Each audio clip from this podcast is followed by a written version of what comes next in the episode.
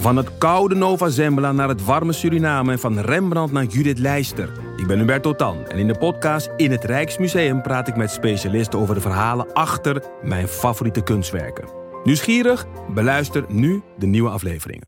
In de muziektheatervoorstelling Het Achtste Leven voor Brilka naar de wereldberoemde roman van Nino Haratischvili en in regie van Nina Spijkers vertelt hoofdpersoon Nitsa op meeslepende wijze met veel ironie en humor de dramatische geschiedenis van acht levens uit haar Georgische familie tussen 1900 en nu.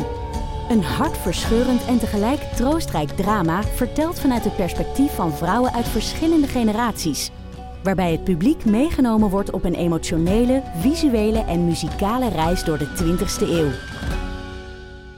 Koop je tickets voor het achtste leven via oostpol.nl. Dag lieve luisterschatjes, welkom bij Damn Honey.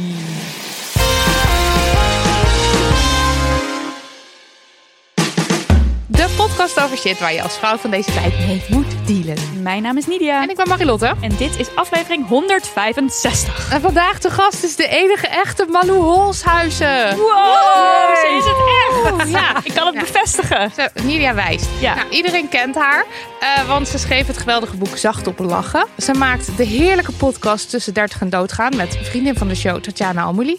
Eh, ook maakte ze de podcast Dit komt nooit meer goed met Roos Slikker.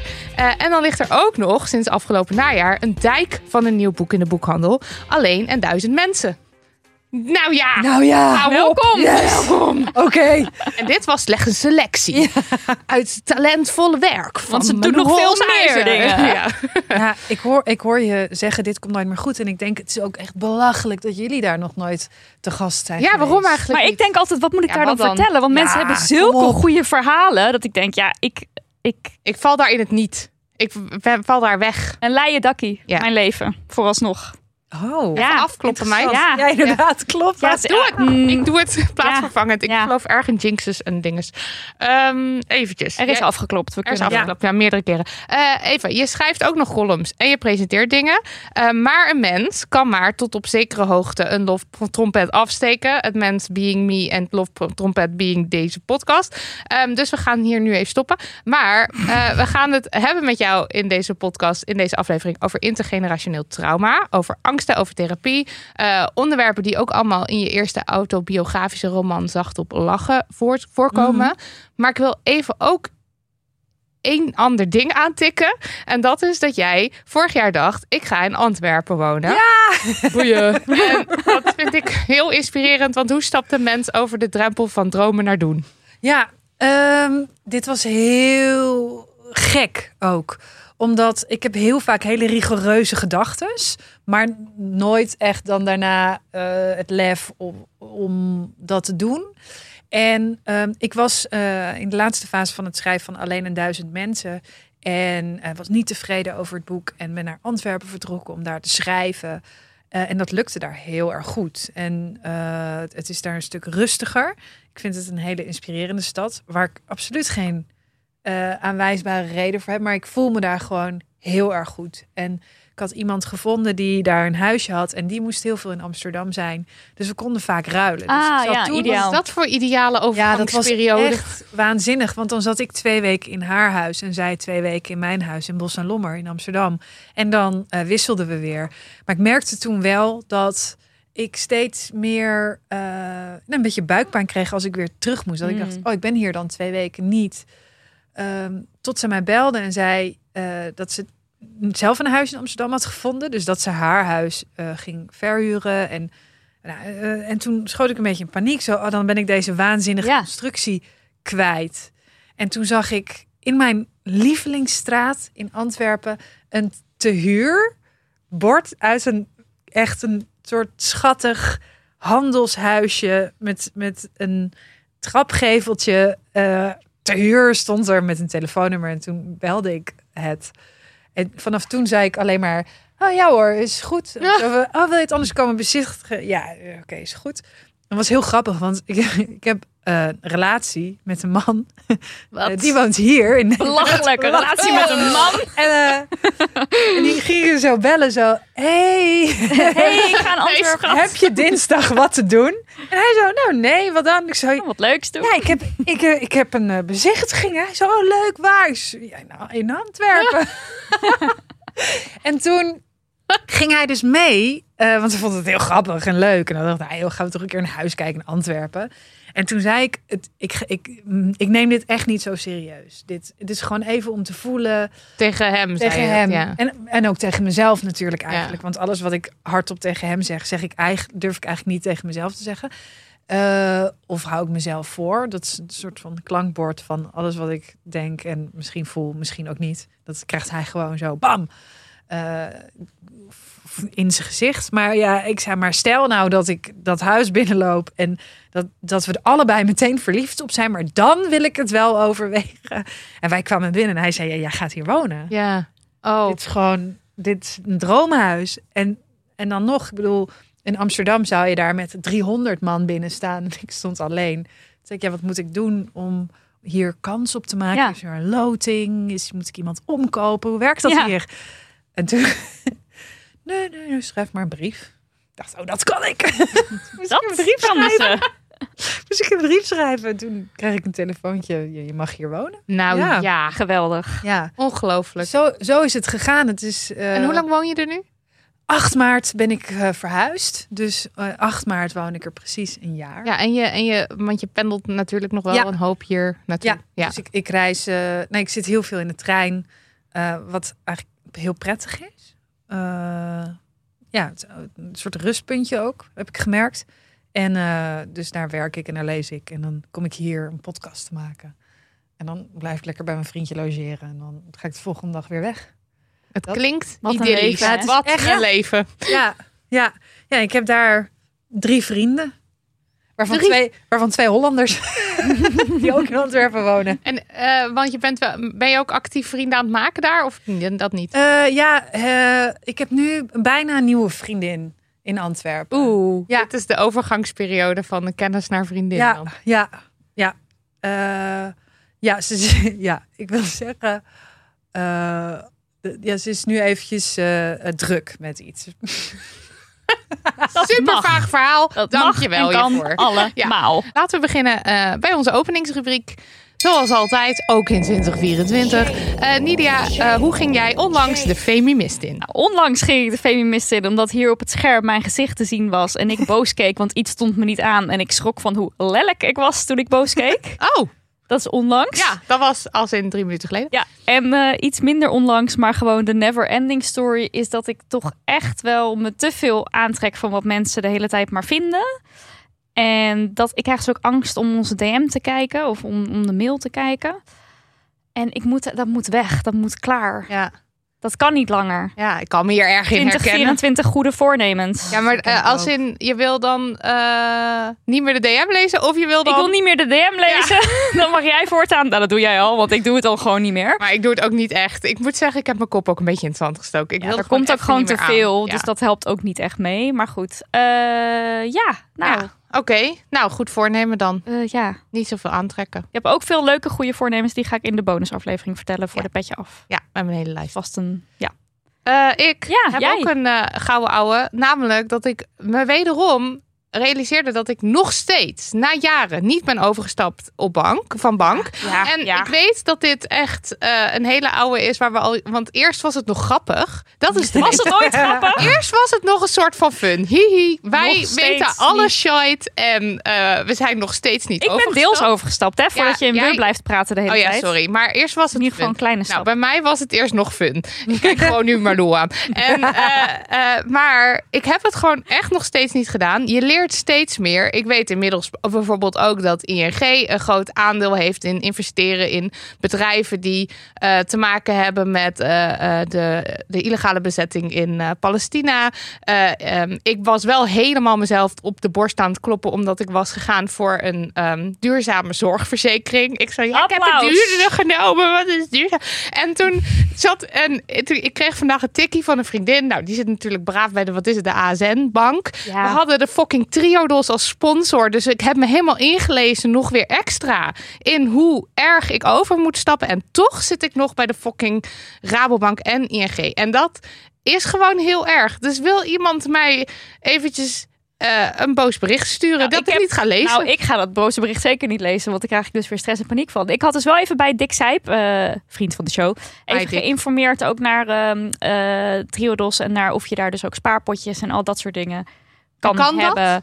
Ja, ik weet de antwoorden nu niet meer. Ah, De- de- zie. deels kon hij eh, fijne antwoorden geven. En er was ook een stukje waarvan hij het gewoon allemaal niet zeker wist. Dus dan moest ik dan nog zelf gaan uitzoeken. En dan was ik weer van, ja, dan moet ik dat Ja, wel zelf hallo. gaan uitzoeken. Ja, maar precies, Jij want- kan het toch aan mij vertellen? Hij is toch een man? Maar tot op een zekere hoogte waren die spaarpotjes voor mij ook de hele tijd nog zo'n argument om het niet te doen. Ja, maar die spaarpotjes. En ik ben er gewoon helemaal klaar mee met mezelf. Oké, Dus dat daar is duidelijk. Ben ik gewoon boos op. Wij ook met jou. Ja, Malou. Malou.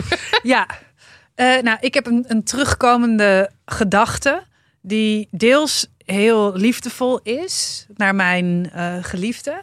En deels heel, eh, heel erg an- antifeministisch. Want ehm, eh, ik ben verloofd met hem.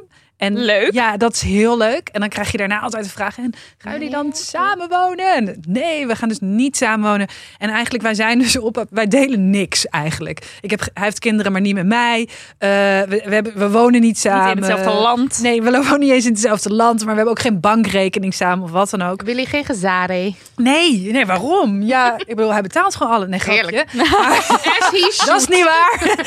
Maar ehm, eh, ik eh, leef mijn leven met angsten en fobieën. En een van die hele grote angsten is een, is een verkeerangst. En omdat hij nu vaak eh, bij mij eh, gezellig op visite komt in Antwerpen en teruggaat. En ik, af, ik zit dus veel meer bij hem in de auto. Ik zie vaak, het gaat heel vaak net goed. Moet een keer misgaan. Dus eigenlijk altijd als hij vertrekt, eh, is het een mogelijke kans om hem te verliezen. Want ik hou daar rekening mee dat iemand hem doodrijdt. Dat is Ja. een hele reële eh, gedachte. En die daarop volgt dan shit. We moeten wel echt heel snel gaan trouwen, want anders krijg ik helemaal niks. Nou, Rins, als je luistert. Denk ik weg, partnerpensioen. Goede, goede reden om in het huwelijksbootje te Niemand gaat mij bellen. Het is in ieder geval een hele concrete reden. En ik zou het zeker doen. Maar wil je ook trouwen? Ja, ik wil heel graag Oké, trouwen. dus dat ja, is het ja, ook ja, niet. echt. Het is gewoon, het Nee, komt en- er niet van. En niet eh, door, eh, niet, niet om het, het partnerpen- partnerpensioen of zo.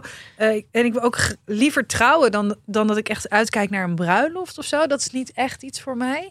Maar ik, ik wil wel heel graag dat eh, het bekend is dat ik bij hem hoor. Dus De dat wij verbind- samen zijn. Ja, ja, dus mooi. dat iemand mij belt als hij eh, Ja, Ja. eh, in de vang ja, en je bedoelt Nou, dan ook iemand van bijvoorbeeld van een instantie. Ja, dat. ik had het Ja. hier laatst met Daniel over. Dat is wel echt als Daniel nu, want ik zit eigenlijk Ja. in dezelfde situatie. Nou, ik ben niet verloofd, maar als, als Daniel doodgaat, ja, eigenlijk niks. Maar je hebt nog bewijzen van we wonen, We wonen samen, nog we samen, een dat hond. is het. Ja, Ja, dat. nee, klopt. Het is nog net iets meer. Maar het is wel ook iets wat je eigenlijk gewoon moet regelen. Of je nou trouwt of dat je het op een andere manier regelt. Het is wel goed om het... eh, Maar ik voel ook, die, ook een beetje die, die, maar ook het angst, de angst van het regelen of zo. Ja. Gewoon, ik heb bij, bij alle, alle dingen die ik zou doen om te ondernemen, dat je zeg maar laat zien dat je bij elkaar hoort, voel ik al een soort Ja, opgefoktheid. Dat is weer een hele andere angst. Dat is een hoop angst. Dat We gaan het ook heel erg over angsten hebben. We hebben ook post over angst. Ja, Zal ik het daarom. voorlezen? Ja, doe het. Post van Puk. Hallo leuke vrouwen. Ik zit nu al enkele jaren met een probleem. Ik dacht dat ik niet normaal was. Dat wanneer ik hierover begon te praten, mensen dachten dat ik gek was. Ik kreeg namelijk reacties als: Och, het is de natuur. Elke vrouw kan bevallen. Het loopt zoals het loopt. Het hoort er nou eenmaal bij. Het gaat vaker goed dan fout. Wanneer mensen spraken over hun blije zwangerschap en mij vroegen: Wanneer krijg jij kinderen? dan voelde ik paniek. Help, haal me hier weg. Het gaat hier om angst om zwanger te worden. Oftewel tokofobie. Afkomstig van de website van het Tergooi ziekenhuis citeer ik. Er zijn verschillende risicofactoren voor het ontwikkelen van tokofobie. Hieronder staan ze puntsgewijs genoteerd. En ik zal niet de hele lijst voorlezen, ik zal er even een paar uitlichten. Eh, angst voor episiotomie, dat is angst voor inknippen. Angst geen controle te hebben over de situatie. Angst voor pijn, voor onvriendelijk medisch personeel. eh, angst voor een keizersnede, om gewond te raken. Gewoon überhaupt angst voor ziekenhuizen, voor naalden, voor bloed. angst om te sterven tijdens de bevalling. Eh, en er staat bijvoorbeeld ook bij laag zelfbeeld, misbruik in het verleden, gevoel van hulpeloosheid ten opzichte van de bevalling, eh, horrorverhalen, psychiatrische aandoeningen, depressie in de zwangerschap, neurose. Nou, dan gaat de brief verder.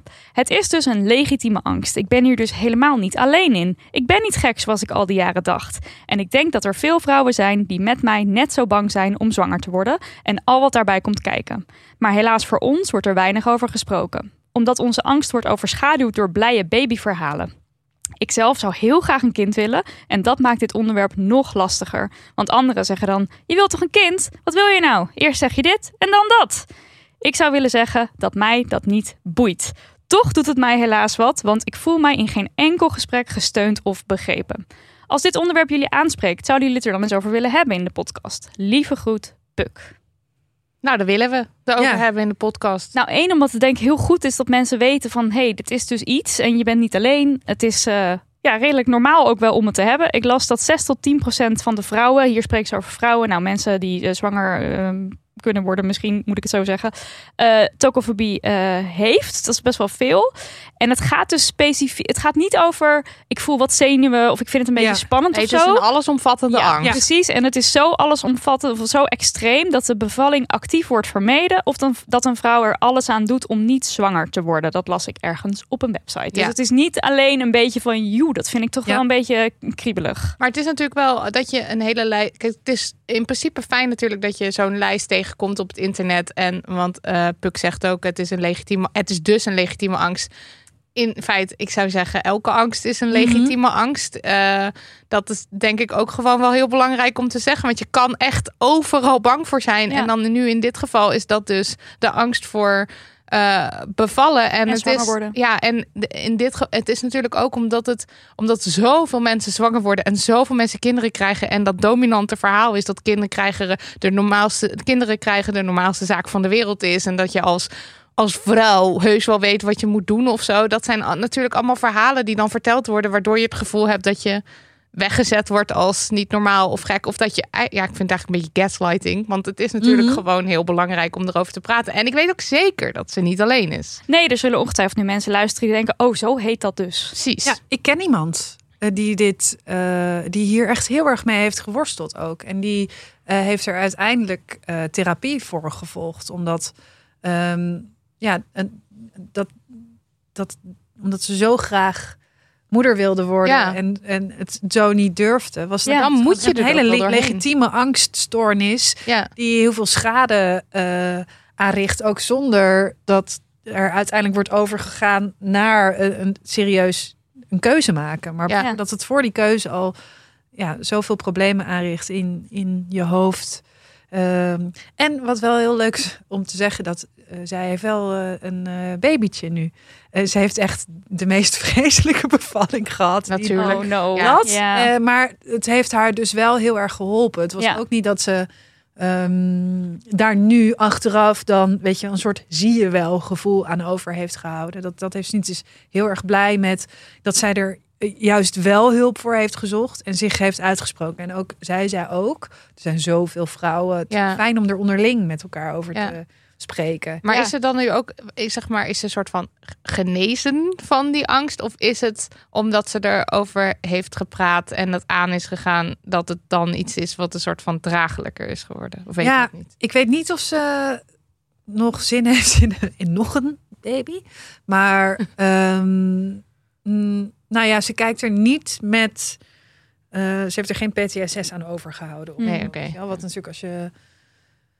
Dat is ook weer zo lastig, want soms is de angst voor iets eh, eh, weegt veel zwaarder dan ja, Het daadwerkelijk. daadwerkelijk. Maar dat, dat bij een bevalling weet je dat niet. Nee. Dus het is ja. Nee, er is ook, ik las ook over de tokofobie. Je hebt primaire en secundaire en tertiaire zelfs tokofobie. En primair is dus dat je nog nooit bevallen bent, nooit zwanger bent geweest en er een angst voor Ja. hebt. Maar je kan het dus ook krijgen nadat je Ja. al een keer een bevalling hebt meegemaakt of een zwangerschap die dus zwaar was. En tertiair, dat is dan als je een depressie tijdens een zwangerschap eh, hebt. Dan kan je dus ook weer, bevallingsangst kan daar een uitvloeisel van zijn. Oh ja. Dus er zijn natuurlijk ook weer heel veel vormen. Ja. En maar met, eh, met mensen erover praten was ook een, Ja. van de, een van de dingen. Kijk, ik ben natuurlijk totaal geen arts, maar ik heb gewoon een beetje erover gelezen van ja, wat kan je nou eigenlijk doen? Erover Mhm. praten. En dan begint al eerst met de omgeving en mensen om je heen. En dan daarna kan je dus ook nog eh, een professionele hulp eh, inschakelen. Eh, en kan je ook allerlei. Ze kunnen bijvoorbeeld ook eh, je een soort rondleiding geven langs bevallingskamers en zo. Gewoon om het allemaal meer een beeld te geven van wat, wat kan je nou eigenlijk verwachten? Wat gaat er gebeuren? Een beetje hou vast. Ja, Ja. dat is natuurlijk ook fijn als je een beetje een soort van gevoel van controle Ja, terugkrijgt. ja of als zo. dat, als ja. dat het, eh, het triggert. Ja, Eh, jij hebt natuurlijk ook, ja, natuurlijk heb je ook allemaal angsten. Maar Ja, Heb natuurlijk. heb je ook dat mensen wel eens in your face eh, totaal geen begrip eh, of denken van wat de fuck, doe niet, doe normaal of Ja, mensen vinden dat eh, over het autorijden, dus eh, in het verkeer, dat vinden ze eh, een beetje aanstellerij soms. Dus Ja. ja. ja, maar ik ken, weet je wel, ze kennen altijd wel iemand en dan moet je bij diegene lessen. Ja. oh zo, ja ja ja, dat soort dingen. Ik heb een fobie, ja, ik heb een kaasfobie. Ik word, ik, als er vooral plakjes kaas liggen, dat vind ik heel. er gebeurt iets met mij wat totaal eh, krankzinnig natuurlijk is en helemaal niet nodig, maar het gebeurt. ja. En ik heb een keer een vriend gehad die heeft hier een restaurant eh, om, hier om de hoek in Amsterdam West. En die eh, heeft er dan wel eens van gehoord, weet je wel dat.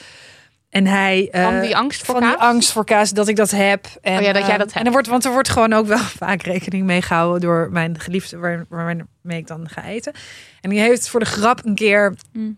een, eh een gesield plakje kaas had hij zo eh, eventjes zo voor mijn neus neergelegd. En toen eh, schrok ik zo erg dat ik alles zo. Ik, dus ik zette me af van de tafel naar achter, dook ik. En ik ja, begon gewoon heel hard te huilen. Omdat ik er zo van was geschrokken. ja. En daar en schrok ook- hij waarschijnlijk ook weer van. En daar schrok hij zo. Maar hij heeft het, ik denk dat dit twee jaar geleden is. Dus ja, elke keer als ik daar ben, heeft hij het er toch nog eventjes over. Dat hij daar echt zo ontzettend veel spijt van had. ja. Maar ja, ik, met dat soort dingen, als mensen er grap, weet je, ik vind, ik snap ook wel dat het ergens heel Het is grappig gewoon is. niet. Het is ook hilarisch. Het is ook grappig. Ja. En ook op zo'n moment, weet je, ik schrik zo erg en dan het is een soort vluchtreactie. Ik moet weg en dan totdat mijn verstand zegt: je bent niet in gevaar. En dan schaam ik me heel erg Ja. voor die reactie van daarvoor. Eh, dat en eh, wat ook heel vaak eh, tegen mij wordt gezegd is. Eh oh, maar bij mij ben je veilig. Dus in het verkeer, bij mij ben je veilig in de auto. maar Bij mij. Maar dat is dus, ja, dat heeft eigenlijk niks met mijn angst te maken. Nee, Met maar, hoe je rijdt. Nee. Of, eh, maar ik kan me dus voorstellen dat eh, een angst voor kaas... Kijk, Puk die zegt, ik ging het googlen en ik kwam Ja. deze lijst tegen. En dus het is legitieme angst, maar zo'n angst voor kaas... kan me voorstellen, ik heb het nog niet eerder gegoogeld... maar dat dat niet per Ja, se iets is nee, dat... maar dat, dat heeft ook zo'n naam. Ja? Zo Een hele lange naam. Ja, Oh. dit, is een, dit is een veel voorkomend... eh kaasfobie heeft een... eh, ja, oh, het is wat, veel wat, voorkomend. wat grappig. En ook Turofobie. En ook echt in, in, de- in deze vorm. Want het is, het is zo mm, eh, vreemd dat, dat ik bijvoorbeeld ge, eh, geraspte kaas niet eng vind. Ja. En dan plakjes Maar plakken kaas wel. Maar Ja. echt heel eng. Oh, Ja. maar wat Ja. Fascinerend dat dan deze vorm van, van, die, Ja. van die angst dan dus ook gewoon... Ja, nou ja, zo zie je maar weer. Hè? Ja. Eh, En je bent nooit alleen. Ja, maar Wat is eh, een fijne reactie? Eh, want nou, ik snap dat een vriend die een plak, plak kaas voor je neus gooit, dat Ja. absoluut niet is. Fijn- Of, of wil je geen reactie? Wil je het niet over een hebben? fijne, een fijne reactie bij dit, omdat, omdat ik dus ergens ook vind dat dit heel, helemaal niet nodig is. Eh, eh, mag je mij gewoon recht in mijn gezicht uitlachen. Dus dat Oh ja, op oké. zich, weet je wel dat jij een fijne bij dat, reactie? maar bij ehm, als het gaat om, kijk, mijn, oh, dit is ook nog wel goed waar mijn vader heeft een keer een grapje uitgehaald. We zaten in de auto in Spanje en hij reed een berg op en eh, eh, hij stond stil en hij liet hem eventjes los, waardoor de auto even naar achter en hij deed zelf een soort schrikreactie zo. "Huh!" Dat en toen ben ik zo ongelooflijk in paniek geraakt dat ik de auto ben uitgestormd, Oh ja. maar we stonden op een klif, dus dat was super gevaarlijk. Ik heb geroepen: hier trek ik mijn grens. en ik ben eh, achter ik, ik ben gaan lopen, maar ook de rest van de ka- vakantie dat stuk gaan lopen. Dat, nou, dat is allemaal heel. En wat hij, hij is weer zo van mij geschrokken dat hij zei: nee, nee, het was, het gebeurde echt wel. Ja, zeg gewoon.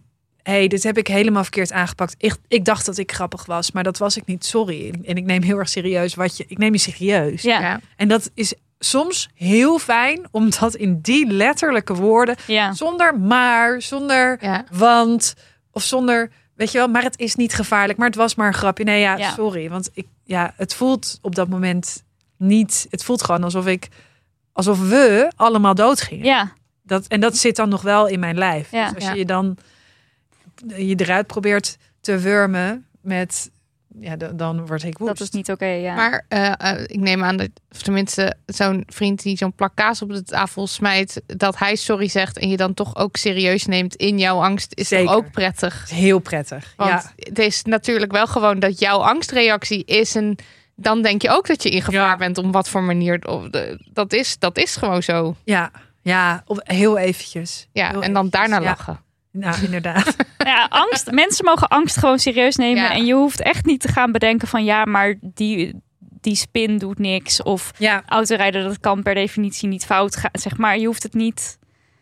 eh, omdat je, van, je gaat natuurlijk vanuit jezelf denken. Van ja, Ja. maar die wesp, weet je wel. Mijn moeder is doodsbang voor Ja. wespen. Die, die smijt Ja. ook tafels om en zo op terrassen. Ja. En dat is dus, vind ik, ontzettend gênant als ik daarnaast zit.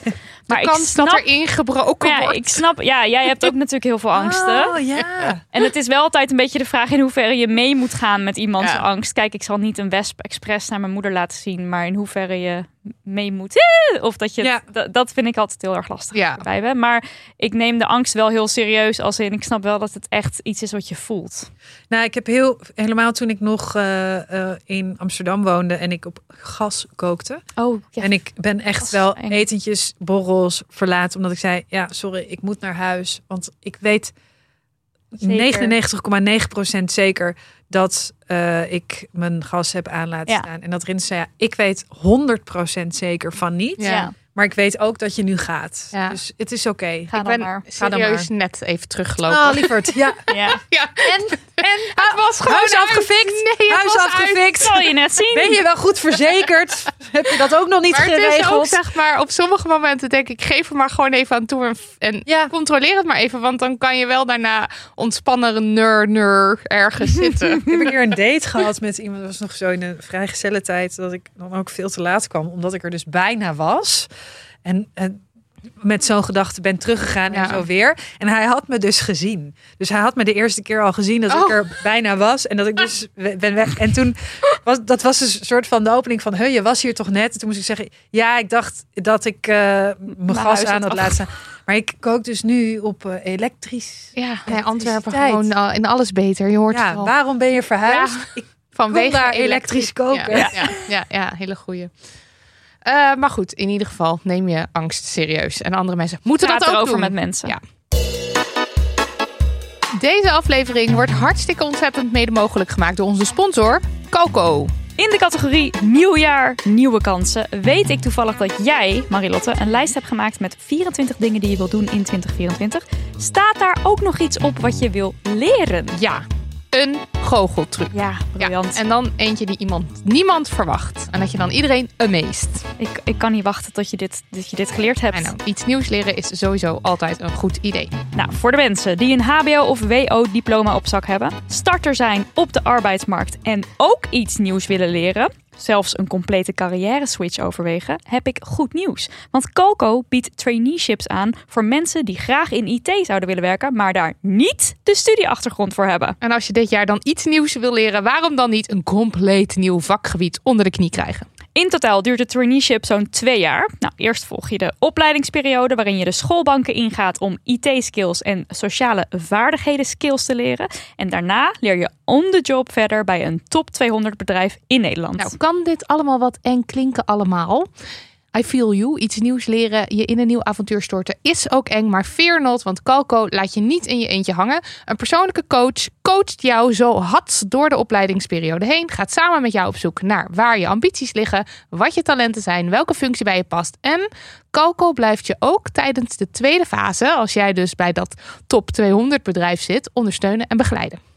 Je kunt verschillende richtingen op als trainee. Ik noem een business IT-richting, automatisering, development, data, risk and security, infrastructuur, operations, testen. Dat zijn veel richtingen. Ja, en wat je ook kiest, vanaf dag 1 krijg je betaald en je krijgt een vast contract. Dus Marilotte, op je 24-lijst. Ik ga switchen naar het meest innovatieve vakgebied dat er is, IT. Ik doe het. Mag niet van mij en ook niet Nou. van onze luisteraars. We moeten gewoon een patriarchaat slopen Ja, deze podcast. Ja. ja. Nou, heb jij geen patriarchaat slopende podcast waarvan de luisteraars jou echt niet kunnen missen? En heb je wel zin om je loopbaan een ongekende boost te geven? Je vindt meer info op calco.nl. En Coco, hoe schrijf je dat dan? Met twee C's.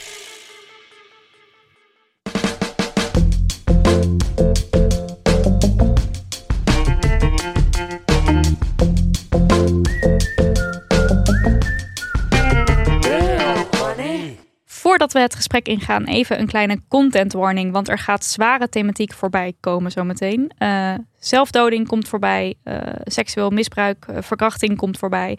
Angsten, trauma. Dus dan weet je dat. En denk je nou aan zelfdoding? 113 is er voor je. Je kunt geheel anoniem bellen of chatten. Ga daarvoor naar 113.nl.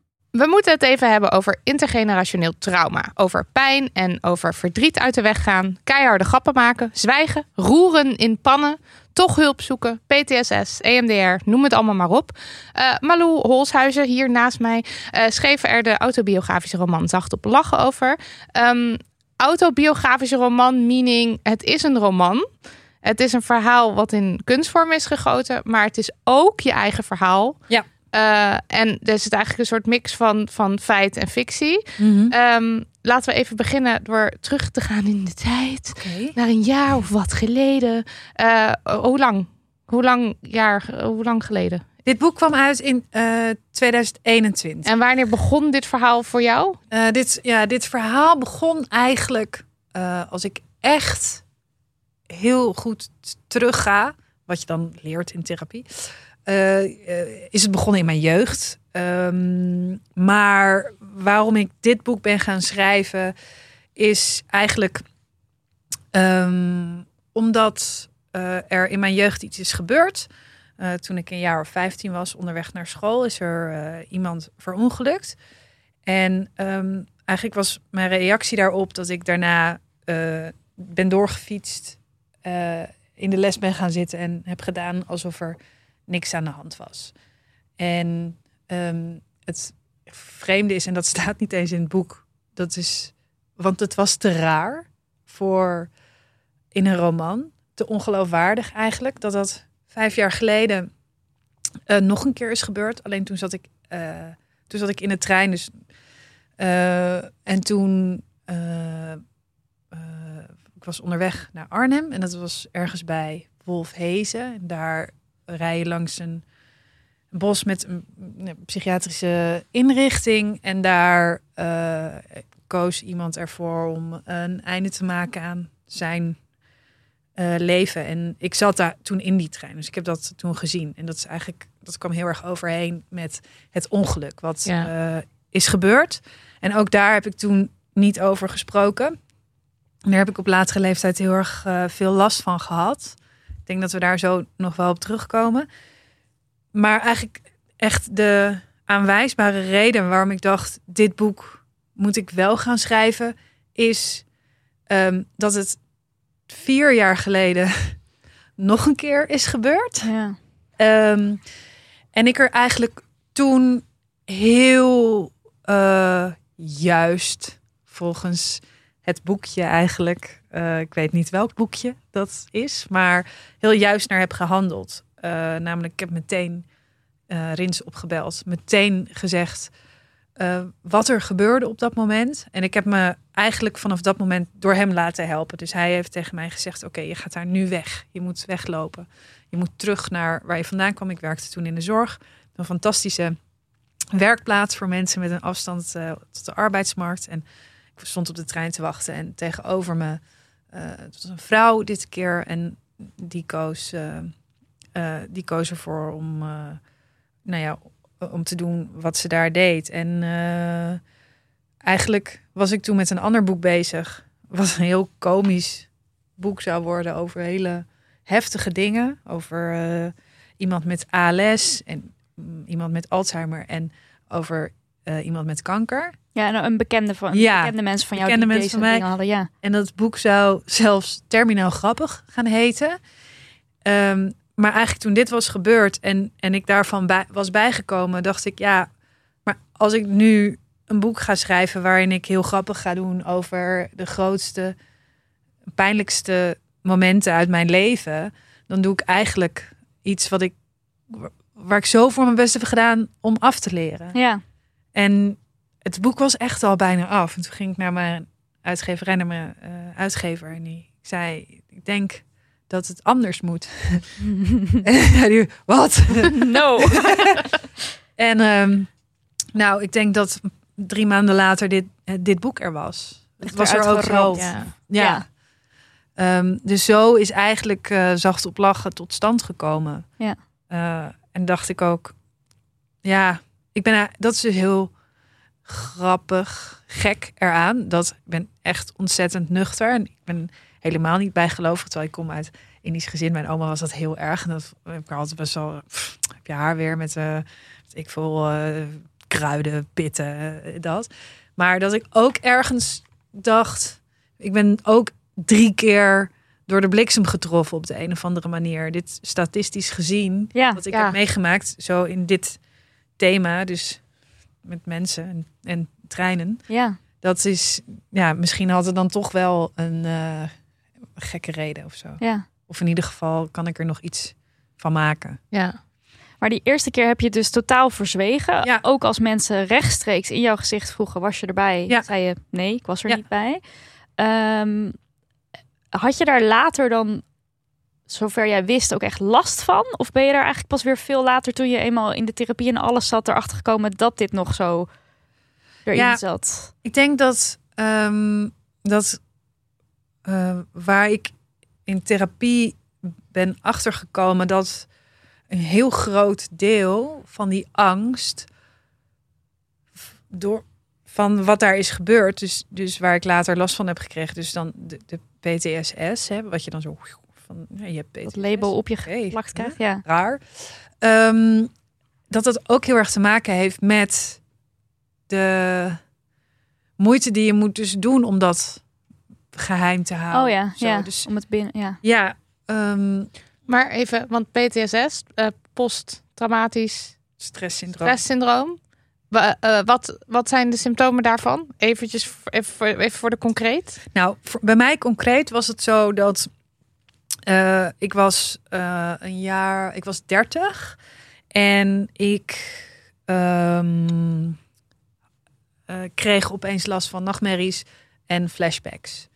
Of in ieder geval beelden van waarvan ik nu weet dat dat had daarmee te maken. Dus eigenlijk, kijk, ik heb dat verdrongen en dat kan je brein ontzettend goed. Die Ja. kan jou heel goed beschermen voor alles wat eigenlijk te groot is. Nou, voor een puber is wat daar is gebeurd veel te groot. Ja. En helemaal voor een puber die. Ik had eh, vooral last van. Ik had echt een, wel een agressieprobleem, woedeprobleem. En dat had heel erg te maken met dat ik niet goed verdrietig kon zijn. Dus dat, dat is al mijn hele. Ik weet, ik herinner me mijn.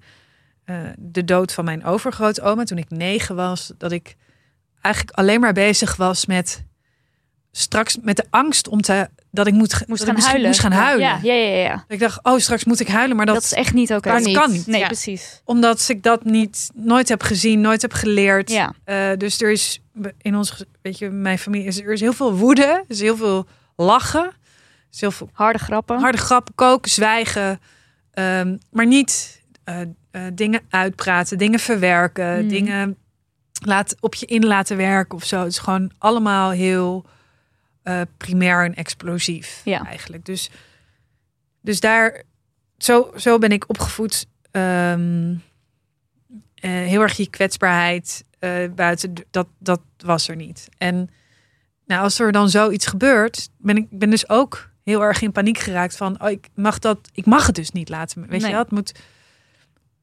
Dus het lijkt nu alsof ik daarvoor heb gekozen, maar dat is natuurlijk zo gegaan Ja. Ja, eigenlijk ook. Maar ik heb dus later in die therapieën ehm, ik dacht eigenlijk dat mijn grote trigger zou zijn eh, dat opnieuw herleven. Mhm. Wat je in al die therapieën die ik heb gedaan eh, doet. Maar ik moest het daarna bijvoorbeeld ook eh, vertellen aan mensen. Dus als dus in die situatie gaan vertellen van nee, zeg het maar wel tegen je moeder.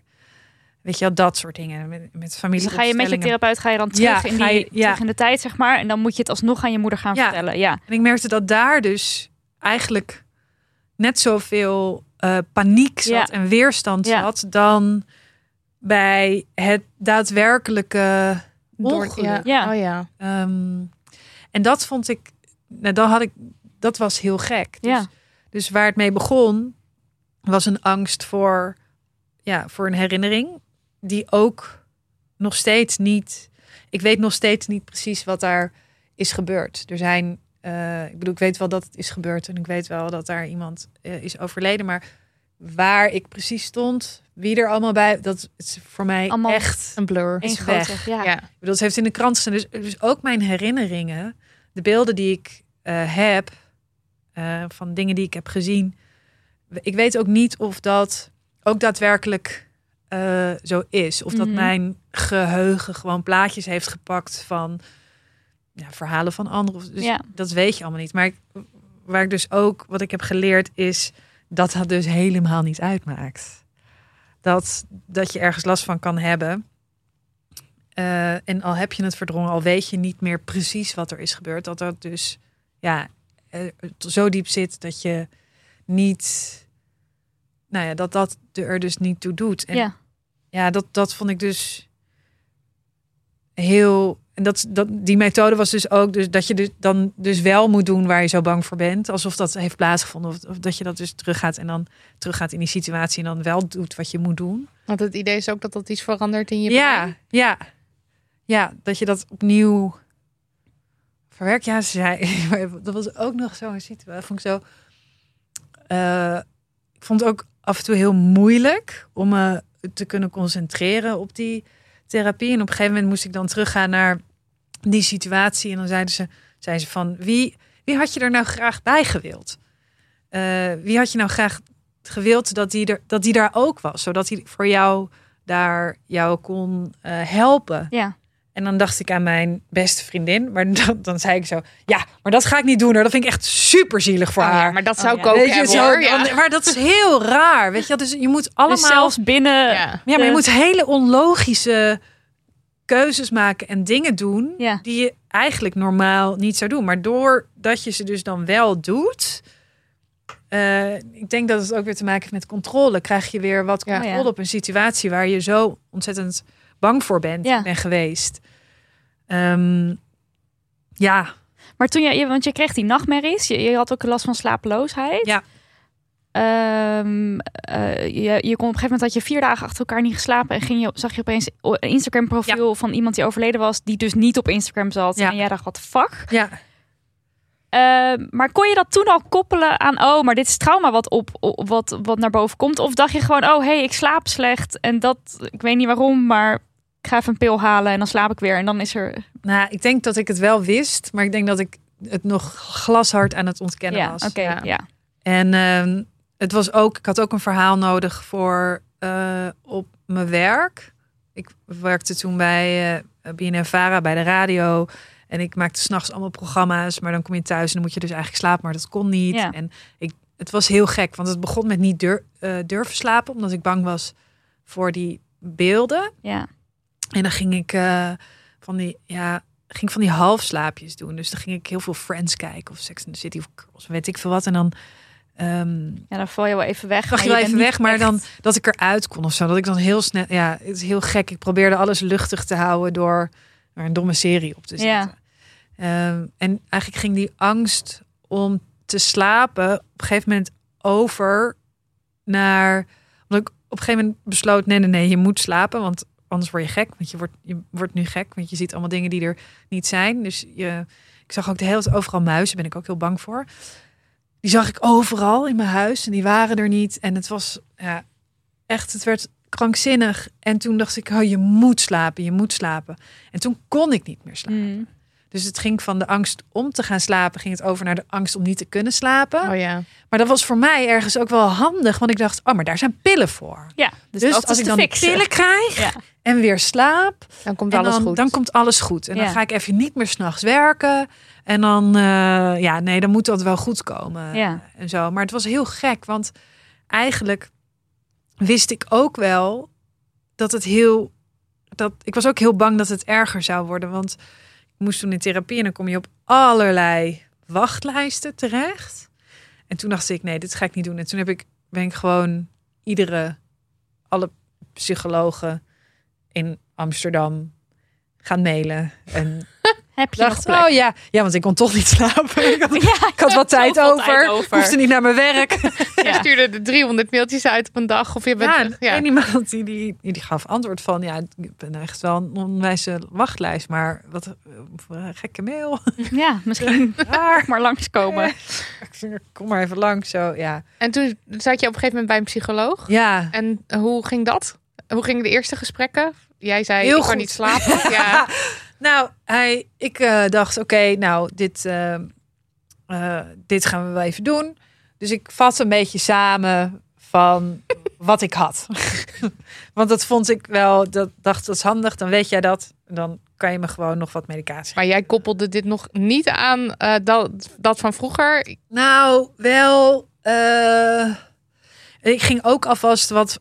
Ik probeerde deze, hem ook heel erg voor te zijn.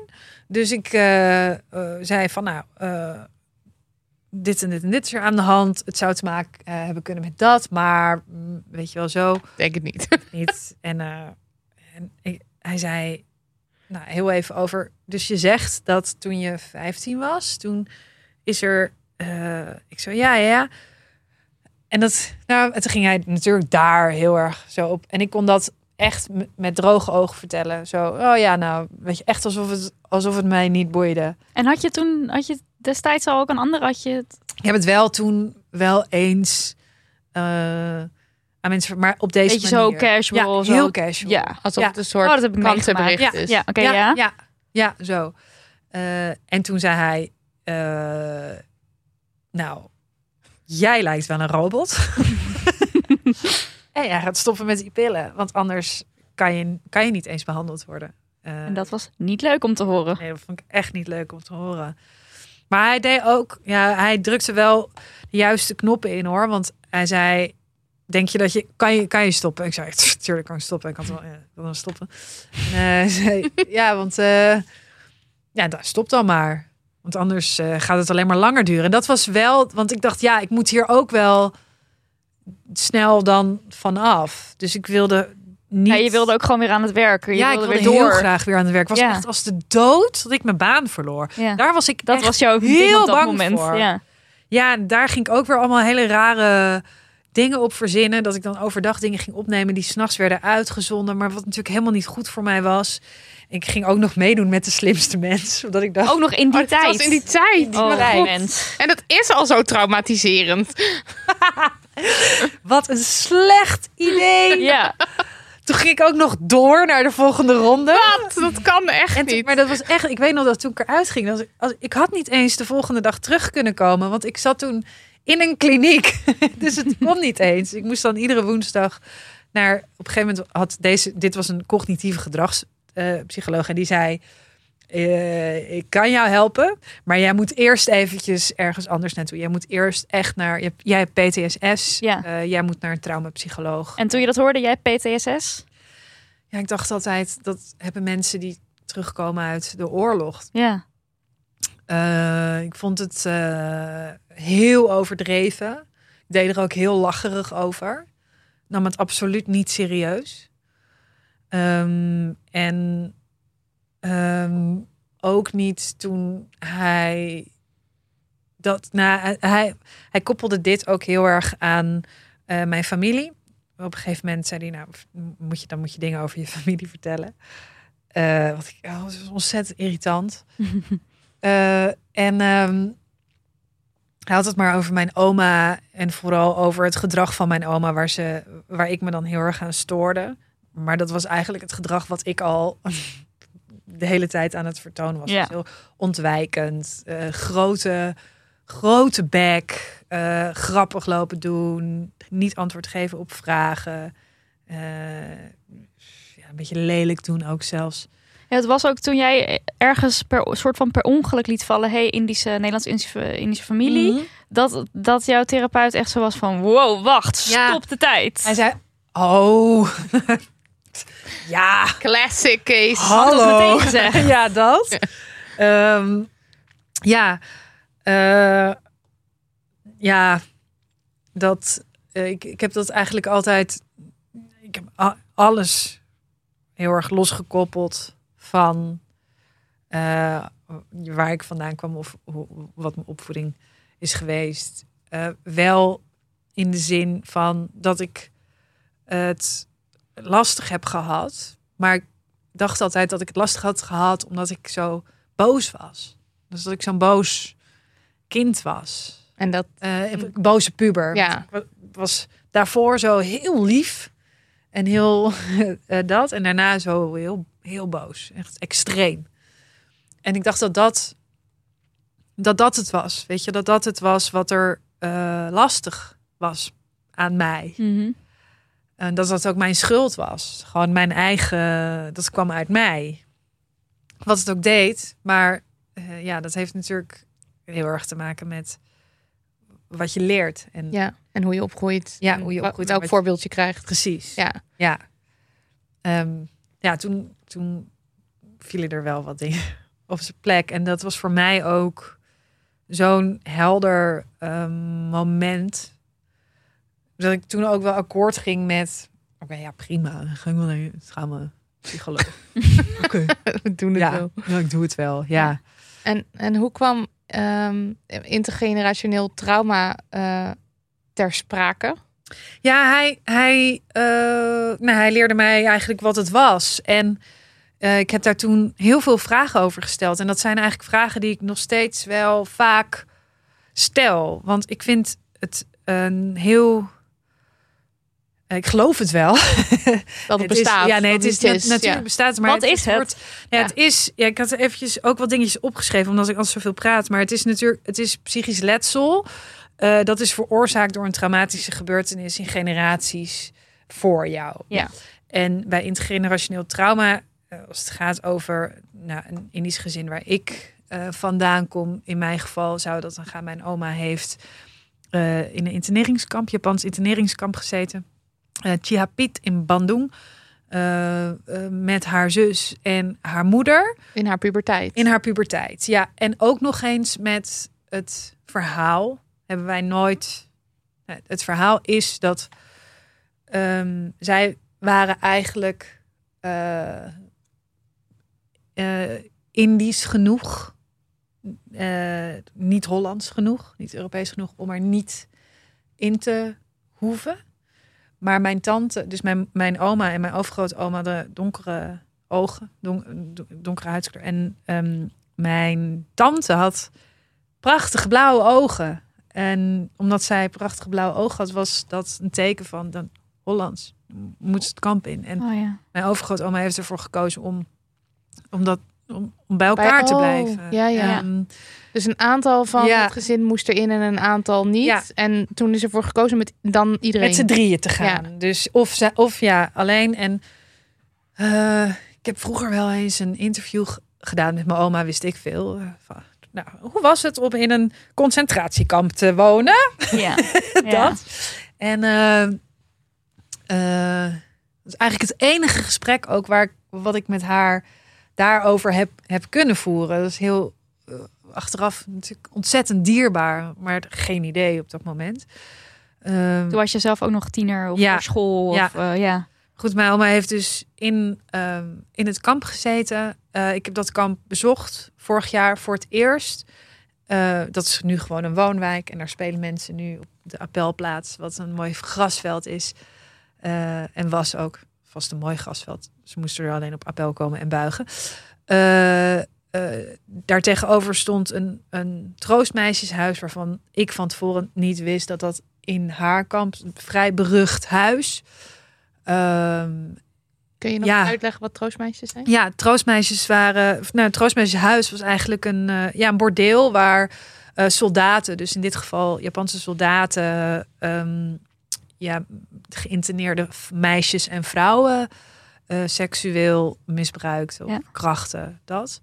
En ehm, ja, of mijn oma daar binnen is geweest, dat weten we natuurlijk niet, want dat heb ik nooit mogen weten. Maar dat daar ja, verschrikkelijke dingen zijn gebeurd en dat zij verschrikkelijke dingen heeft gezien, En dat de heeft kans moeten doen, dat de best kans wel ja, aanwezig is. aanwezig is. Ja, mijn overgrootoma heeft een keer gezegd, dat heeft heel veel gedaan met mij. Die zei, eh, waar wat ik heb gedaan, daar lusten de honden geen brood van. Toen dacht Mhm. ik, oh ja, het is dus ook niet eens het enige wat niet, niet wat je wordt aangedaan, maar ook wat je hebt gedaan om Ja. maar te overleven. Ja, en dan Dat- daar weer de schuld en Ja. schaamtegevoelens over. Eh, en dat zijn dus. ehm, maar ik vond dat ook ergens heel erg eh, lastig om te horen. Van kijk, dat intergenerationeel ga- trauma gaat dus over. ehm, want dat hoor je nu heel vaak. En daar wil ik toch wel iets over zeggen. Dat er best wel snel wordt eh, gegooid met de, met de termen intergenerationeel trauma. En daar ben ik eerlijk gezegd een beetje allergisch voor. Omdat, kijk, ik draag niet het trauma van weten hoe het Mhm. is Nee. om in een kamp te zitten, om honger te hebben, om Ja. misschien te worden verkracht, Mhm. om niet te weten eh, of je familie nog leeft, of je vader nog leeft, of je zelf morgen nog. Dat is Ja. niet het trauma wat aan mij kleeft. Maar wat wel aan mij kleeft, zijn eigenlijk eh, is een traumareactie. Ja.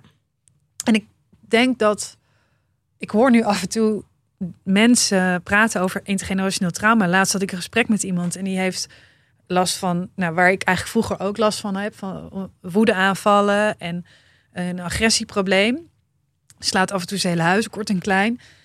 En die zei ook van ja, maar dat komt dus, want ik ben eh, Indisch en echt intergenerationeel. Dat is iets van vroeger. Dat is iets van. Dus ik zei ja, maar het is ook gewoon een agressieprobleem. Weet je wel? Dus er zijn heel veel. En, en delen daarvan hebben een oorzaak. En het is nooit één oorzaak. Want Je bedoelt, je kan het niet allemaal Daarop afschuiven op Ik heb dat- Indische nou, ik denk en dat dus... je pas kan praten over intergenerationeel trauma als je eh, beschikt over zelfreflectie. ehm, als je bereid bent om naar jezelf te kijken om, om- en om eigen verantwoordelijkheid te nemen voor in ieder geval je gedrag. Hmm.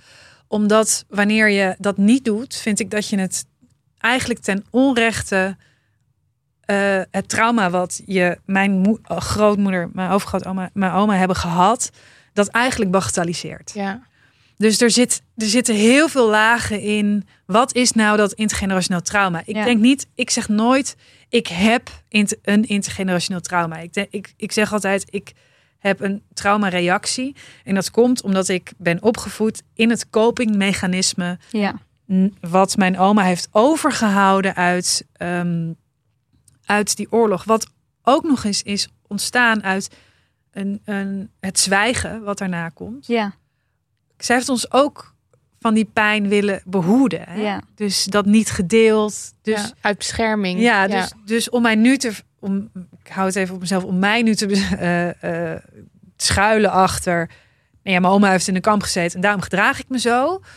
Eh, daarom vind ik het fijn dat we het nu over hebben. Dat, dat is dus niet zo. Nee. Ja. Als in, dat is, je ja. moet het niet zomaar als excuus gebruiken. Precies. Ja. Ja. en ook ehm, het feit dat ik zo heb gereageerd, komt niet alleen omdat mijn oma in een kamp heeft. Dat komt ook omdat ik een puber was. Ja. Komt ook omdat je brein op dat moment niet af is, zo werkt, dingen wegstopt. Je Ja. liegt, je bedriegt, eh, je maakt ruzie, eh, eh, je, je wil, je bent ongelukkig.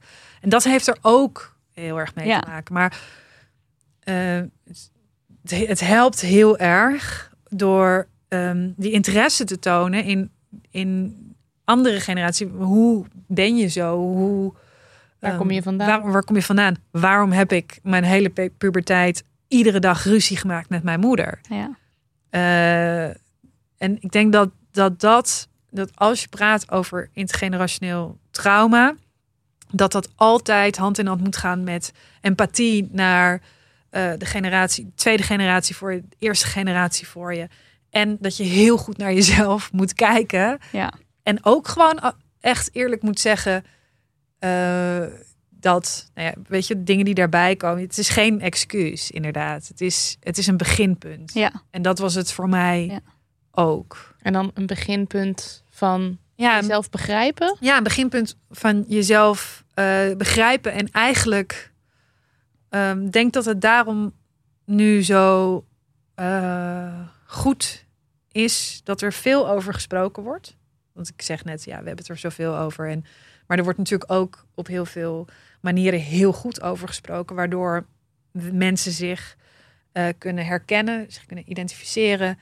eh, denken, oh, dat weet je, waardoor je steeds meer over jezelf te weten komt en het dus beter kan gaan doen. Ja. En dat dus kunnen veranderen aan jezelf. En dat, dat vind ik heel goed aan, aan deze tijd. Kijk, mijn oma kwam naar Nederland, werd eh, in een klas gegooid met al die andere bruine kinderen die zo raar spraken en ze stonken. En ja, je zoekt het maar uit. Ja. En wij kunnen gewoon nu hele, heel anders omgaan met, met onze problemen, omdat we er in ieder geval in gesteund worden. Dan wel niet door eh, familie of door vrienden of mensen om je heen, maar ook gewoon door social media, het, het internet en alles. Dus ja, ik denk dat je heel erg moet oppassen met eh, jezelf die term toe-eigenen Ja. daarover hebben. En jouw oma kon niet naar de psycholoog voor Nee. PTSS. Ja, want jouw oma, want eh, ja. eh, je hebt dus wel één keer is het dus gelukt. Nou, gelukt. Je wist het toen eigenlijk niet, maar heb je dus met haar daarover gesproken? Ja. Toen, heb je, toen heeft ze ook echt antwoord gegeven op. eh, Ja, eh, wat ze toen vertelde was, maar eigenlijk de hele, eh, hele soort, ja, eh, nou, Jappenkamp voor dummies. Dat is een beetje zo van, nou, je had dan een wijk en daar zetten ze een hek omheen. En dan ja, moest, moest je daar, moest je gewoon in een ander huis gaan wonen. hm, Maar er kwamen dan steeds meer mensen die daar dan ook moesten gaan wonen. Zo vertelde zij het. Zo, zo heeft ze dat eh, toen aan mij verteld. En ze heeft ook wel eens. eh, ik heb haar ook wel eens heel boos horen zeggen over haar zus. Ehm, was heel gek. Haar zus was overleden en eh, die woonde in Amerika. Die is geëmigreerd naar Amerika toen ze hier naartoe kwamen. Eh, er zijn heel veel Indische mensen ook naar, naar Amerika gegaan. En toen, toen haar zus was overleden, toen probeerde ik daar met haar over te praten. Wat natuurlijk volstrekt onmogelijk was, want het deed haar heel veel. En Dus, dus, ze ging op, en du- dus kon ze er niks over zeggen. En toen zei ze, mijn tante heette Mia, hm. zei ze. En eh, eh, als je vroeger, als je moest plassen, dan, dan moest er een jap mee. En Mia deed dat gewoon. En ik niet. Weet je, dat ik zo... Wow, ik condoleerde je alleen met het verlies van je zus. Maar Ja. wat, weet je, en dat is dan heel... En dan wordt er iets venijnigs gezegd. Ja, over- heel... eh, dat ik dacht, ja, dit moet wel heel veel pijn doen nu bij jou. ja. Als, als dit je antwoord is. Kon je dat wel herkennen bij haar? Zeg maar dat als hoe, hoe verneiniger of hoe bozer zij reageerde, Ja. dat jij dacht, oké, maar dan moet het dit Dit nu wel echt. Ja, toen, toen dacht ik gewoon, joh, doe eens even normaal. Ja. Weet je wel, van nou, je bent en da- dan denk je van, oh ja, iemand is, is heel verdrietig, want je hebt net te horen gekregen dat, eh, eh, dat, dat je zus is overleden. En, ehm, maar nu vallen heel veel dingen eh, op zijn plek. Ja. Ehm, ja, dingen die ik vroeger niet begreep. Hele ehm, banale dingen als dat ze alles bewaarden en al het eten en zo. Dat ze altijd overal nog wel een soep uit wilde trekken. Dat ik dacht, ja, doei. Doe even normaal. En dan gooide ik het voor haar neus. tot Als iets weg. echt al verrot of beschimmeld was, beschimmeld. dan nog steeds het willen bewaren. Ja, Ja, dan, dan deed ik de koelkast open en dan praten het terug. Weet je, echt een beetje die, Ja. eh, die, die status. Ja. Dan gooide ik het weg. En dan werd ze eerst heel boos. Gewoon, nou, woest. Eh, en uit, ja, uiteindelijk dan ging, ging ik haar maar gewoon uitlachen. En dan lachte ik haar uit. Eh, en dan moest zij uiteindelijk ook heel hard lachen. Weet je wel, en dat was het dan. Maar nu denk ik, ja, dit is eigenlijk... Is, dat, is het zo zielig dat ik dat ook de hele tijd maar zo... Je, je moet het gewoon opruimen. Het is goor, weet je Ja. wel zo. En dan totaal overheen gewalst. En dan, nog, dan word je ook nog recht in je gezicht uitgelachen.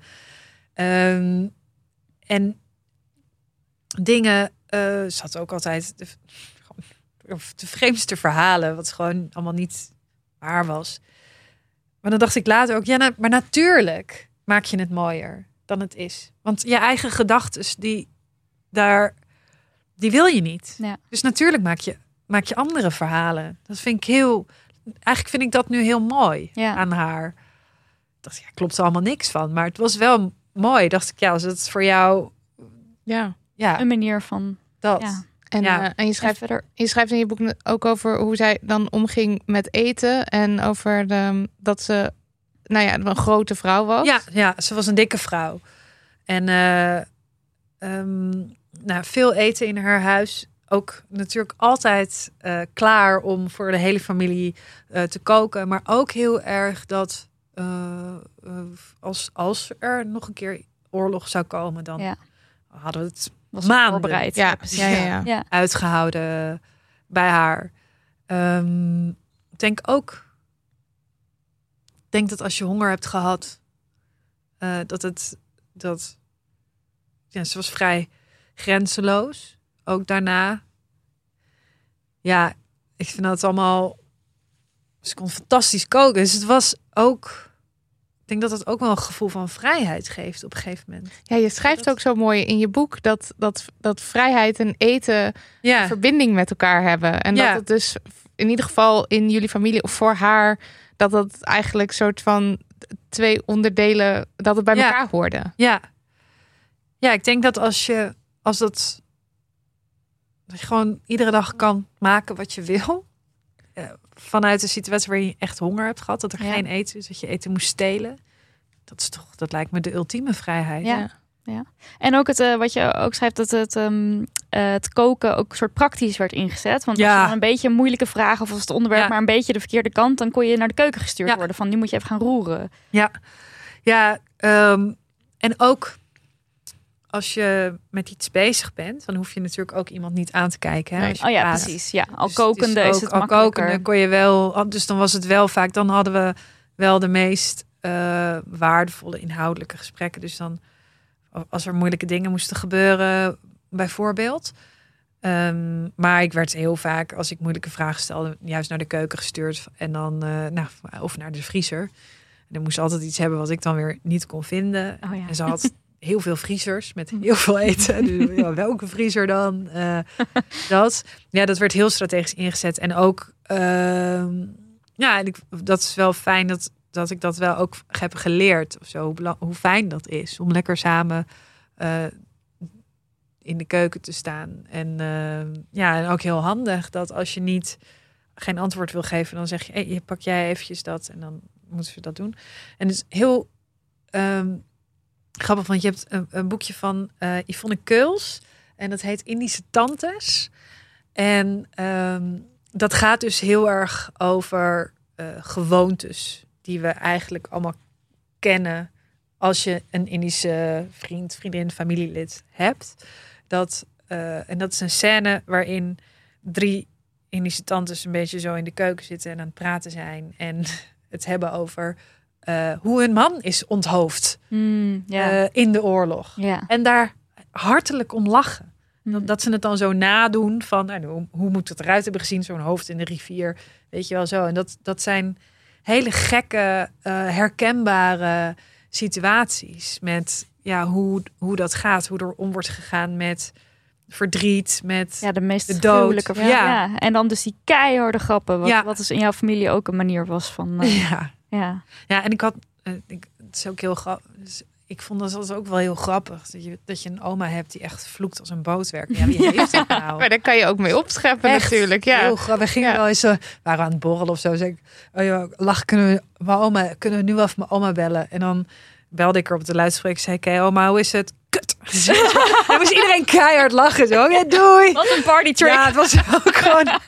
Ja, je bent dan eh, ja, eh, 21 Ja, of zo. ja. En eh, je ook, ik moet je mijn oma horen. Dat. Ja. Ja. Ja. Ja, ja, ja. En heb je dit dan zeg maar allemaal uitgeplozen ook met je of eh, alleen of met je psycholoog in therapie en dat dat je dat dan ook echt kon verbinden aan zeg maar ik kan me voorstellen dat je oma ook een soort spiegel was. Ontzettend, ontzettend. Ja, ik heb. Eh, ik ben haar veel beter leren. Ik heb haar veel beter leren kennen doordat ik mezelf eh, nu goed heb leren kennen doordat je dus in therapie gaat. Uh, dit geldt ook voor mijn moeder. Ehm, en ik ben erachter dat ik dus ja eh, eng veel op ze lijk.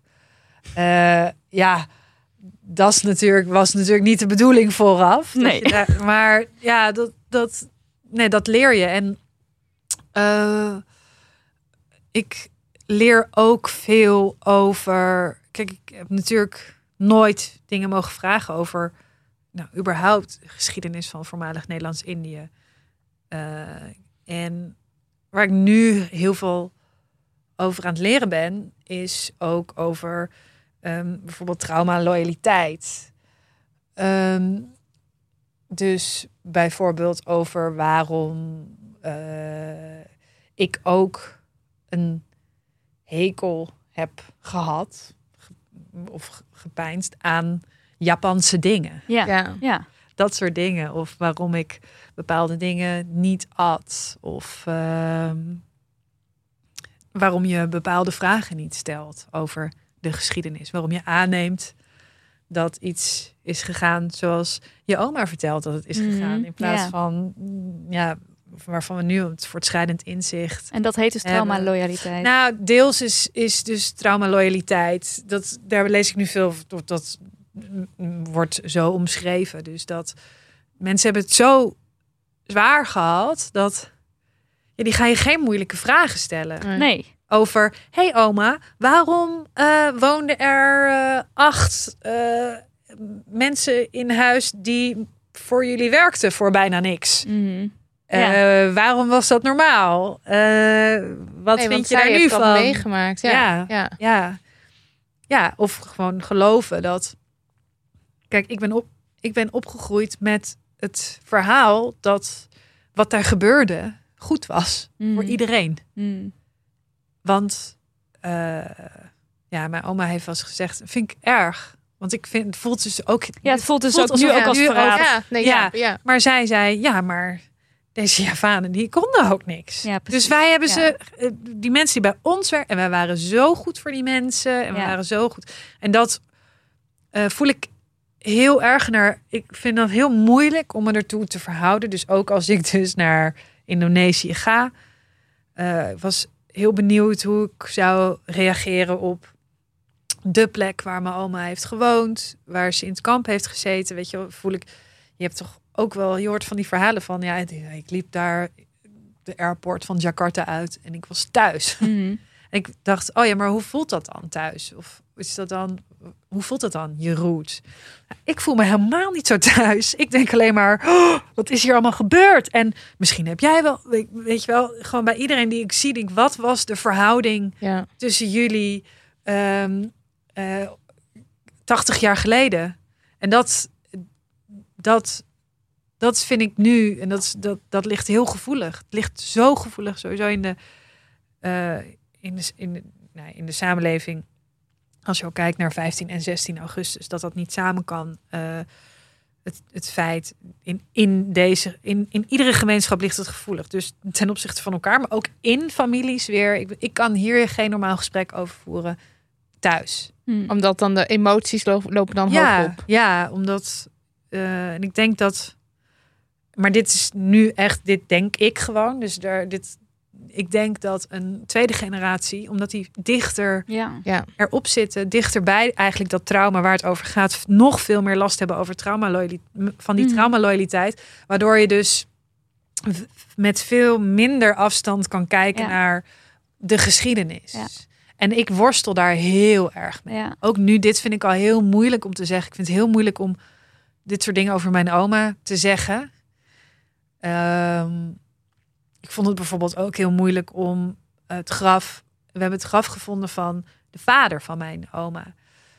Mijn moeder heeft dat al een keer eerder gevonden, want dat is heel goed bijgehouden.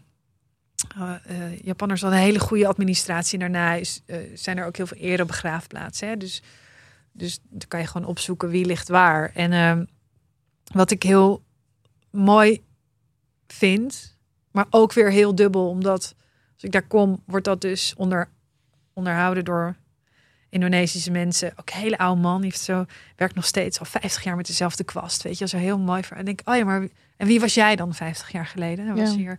Dat, dus dat is voor mij allemaal heel dubbel. Ja. Maar dan sta je voor, nou, we hadden dus, mijn moeder had al een keer dat graf gevonden op een eh, website. En die had toen dat tegen mijn oma gezegd van ik weet waar je vader ligt. Ja. Nou, die had geantwoord met nou en. Oh ja. Daarmee was de kous af. En eh, nou, ik ben als eerste van de familie dat graf gaan bezoeken. Eh, ja, en dat is, daarover voelde ik me ook heel schuldig. Dat, dat is heel raar. Want ja, mijn oma die heeft altijd gezegd: ja, maar wat moet je daar? Ga je dan janken? Ja, ja. Waarom? Ja, en janken. Maar jij dat ga is jij natuurlijk- Ja. Dat? Wat moet je daar? Janken? Ja, en dat Waar ding met, terug? het ding met Janke was ook dat ze vond ook, je mag niet huilen, je mag niet je leed, je, je verdriet laten zien, want dan hebben ze gewonnen, zei zat ze Nou, het- ook. Ja, van dan heb maar dat- ze was in weet je ook als het ging over bijvoorbeeld Nederlandse politiek of of dat was altijd ze Oh ja. ze maar hebben ze gewonnen dan he- hebben ze hun zin Ja. dan, ze zullen niet ze zullen niet winnen en het is Ja. ook dat vond ik heel ehm, heel aangrijpend dat eh, er staat ook bij een monument daar er staat een onderschrift bij een heel mooi beeld met hun geest heeft gewonnen. Je denkt, oh, wat gek, want zij is nooit op die plek geweest. Maar dit is Maar het is ook wat zij Precies. zegt. Ja. ja, Ja. precies wat zij zegt. En ik sta hier hoogverraad. Zo voelde dat. Ja, Ja. ja. Ja. Ja. Ja, ehm, dat en ook hoe absurd het, het moet zijn geweest. Want ik had ook mijn opa, die had eh, een vriend in de oorlog. En die heeft de oorlog niet eh, overleefd. Maar die sprak altijd over die vriend als meneer Blauw. Want die heette Blauw. Eh, en toen waren we op een andere begraafplaats. Ik dacht, ik ga gewoon alle begraafplaatsen. Als je En, er bent. ja, en dan gingen we zo eventjes dan, je kan daar dan bloemen neerleggen als eerbetoon voor. En dan gingen we zo naar meneer Blauw, wat dus in mijn hoofd een meneer is.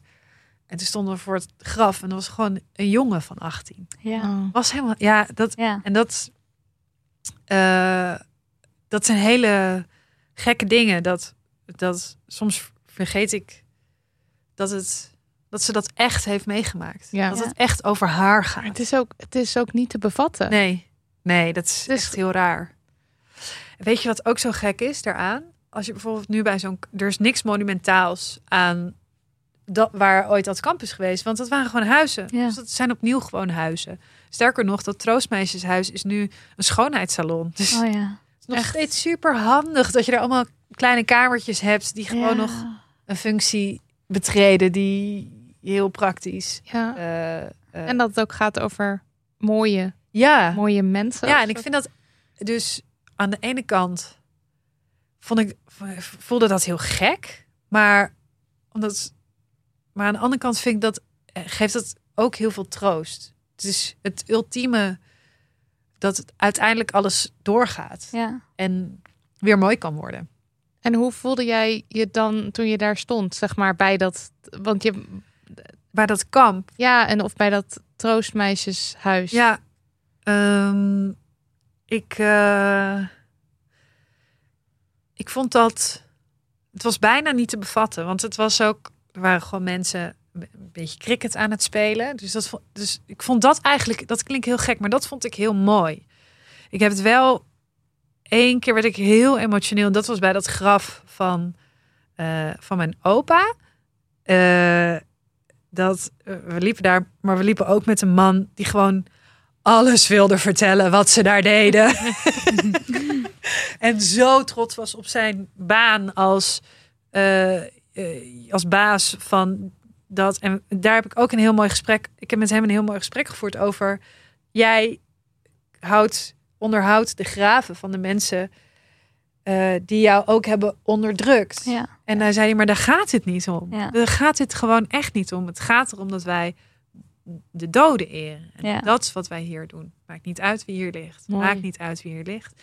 Dus daar werd ik heel emotioneel van. Ja.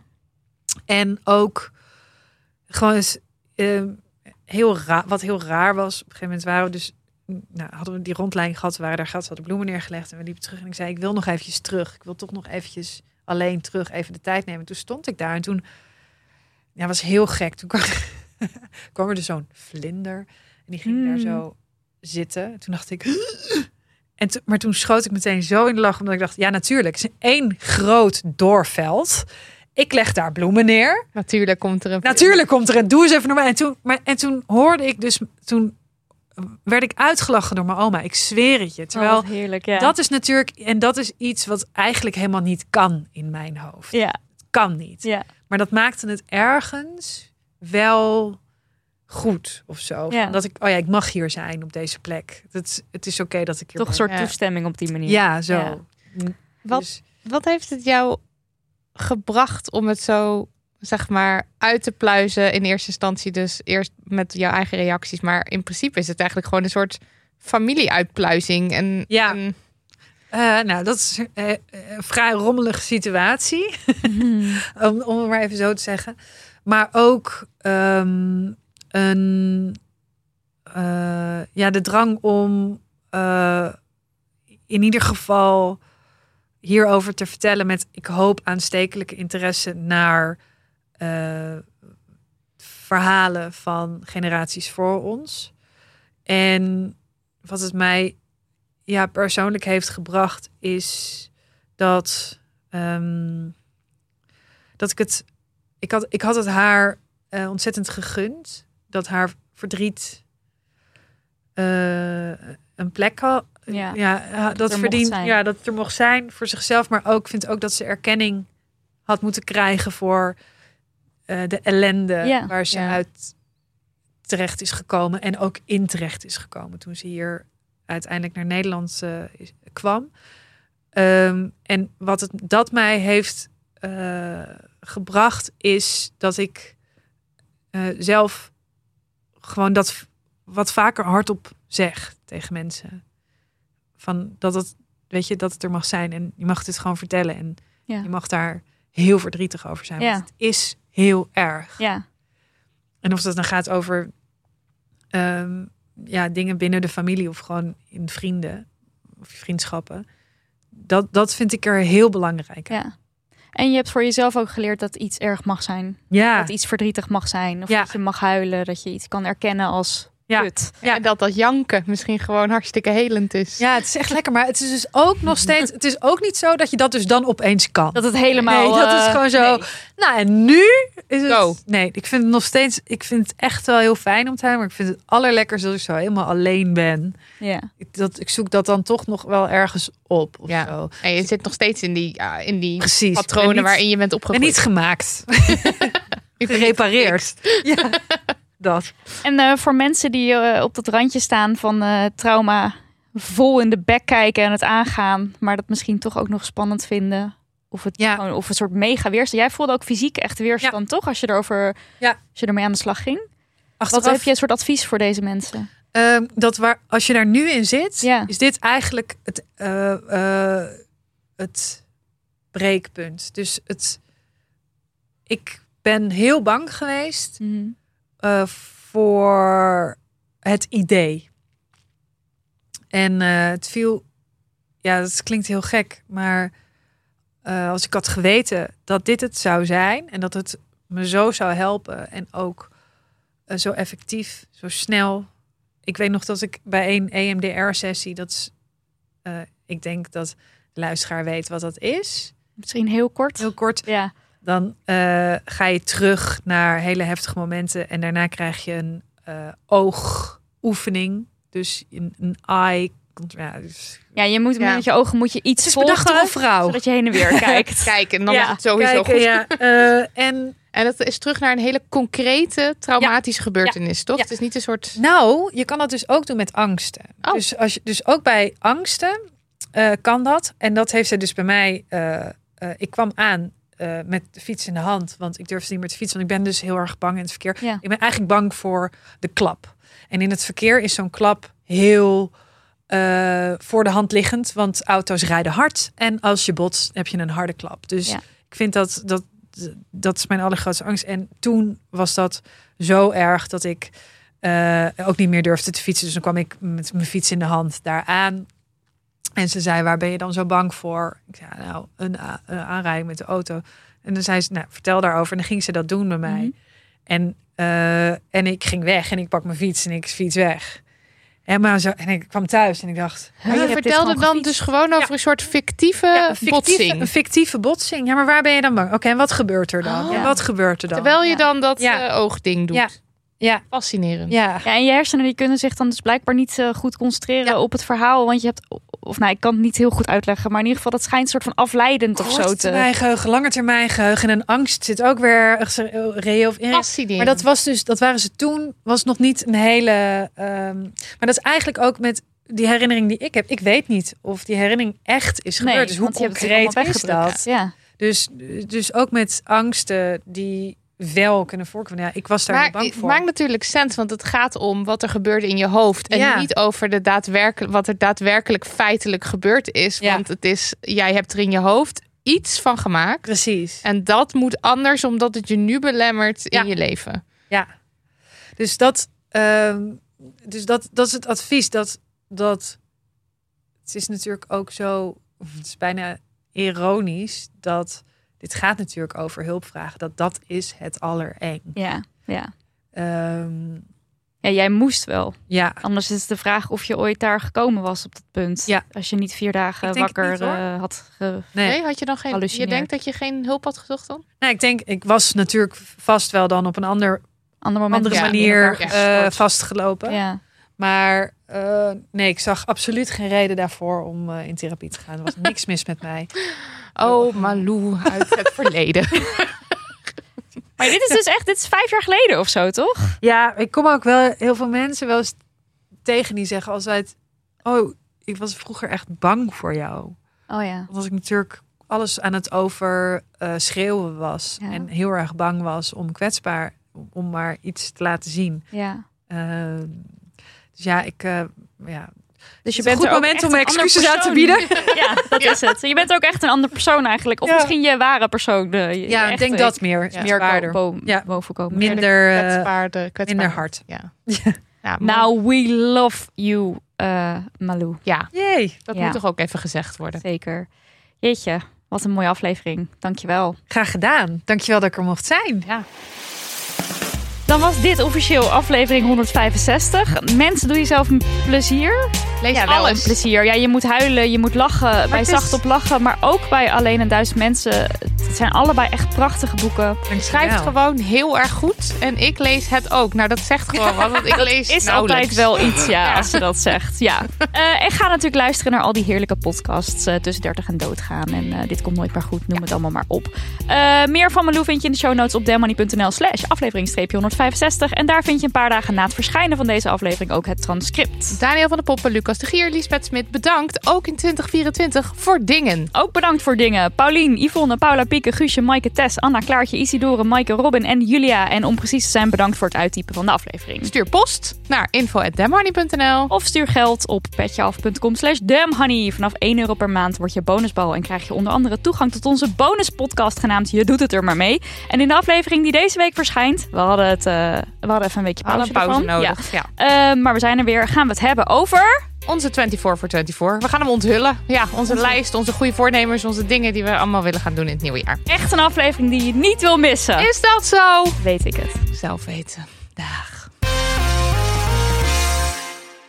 Nog even over die grootse en epische muziektheatervoorstelling. Het achtste leven voor Brilka is een marathonvoorstelling van 5 uur. Koop je tickets voor deze bijzondere theateravond via oostpol.nl.